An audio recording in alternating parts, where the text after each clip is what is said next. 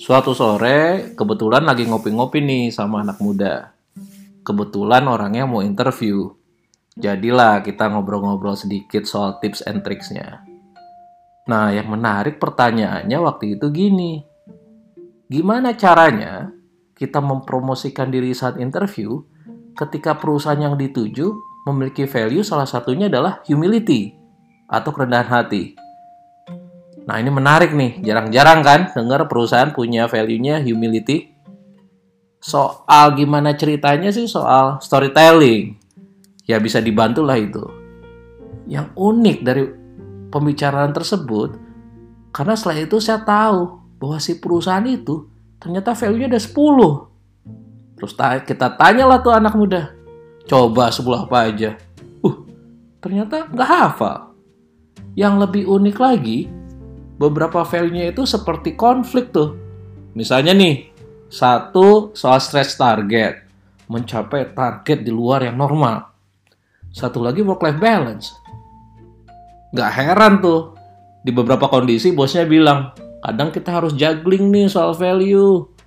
Ya kalau lagi ada stretch target, work-life balance-nya kita simpen dulu.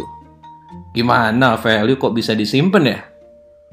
Nah, kondisi-kondisi seperti ini yang membuat wajar ketika banyak orang mempertanyakan apa sih gunanya nilai-nilai atau value perusahaan.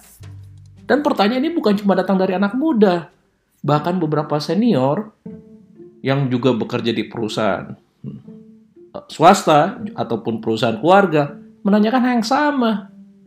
Kok bisa ya kejadian seperti itu? Masalah terjadi karena bagi orang-orang tersebut nggak ada tuh kaitan yang jelas antara nilai perusahaan dan kegiatan sehari-hari. Banyak yang bilang, toh kita juga udah untung selama ini nggak pernah ngomongin soal value perusahaan.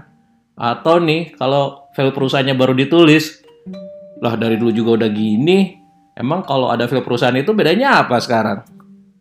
Karena itu, kita kasih tips nih, biar value perusahaan itu ada gunanya, nggak sekadar dipajang di dinding, atau dibicarakan saat seremonial atau juga cuma jadi video yang diputar berulang-ulang. Tipsnya tiga. Yang pertama nih, belajar dari kasus yang tadi. Jangan kebanyakan value perusahaan itu. Dihafalinya aja susah, apalagi dipraktekin deh. Kalaupun banyak, coba dipikir lagi. Pasti ada hierarkinya. Mana yang value, mana yang jadi policy. Yang kedua nih, tipsnya. Si value ini harus mudah diterjemahkan ke dalam pembicaraan sehari-hari.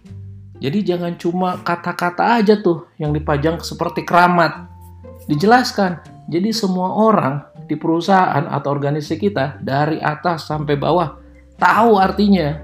Contoh nih, service excellence. Misalnya ya, yang sering banyak dipakai tuh.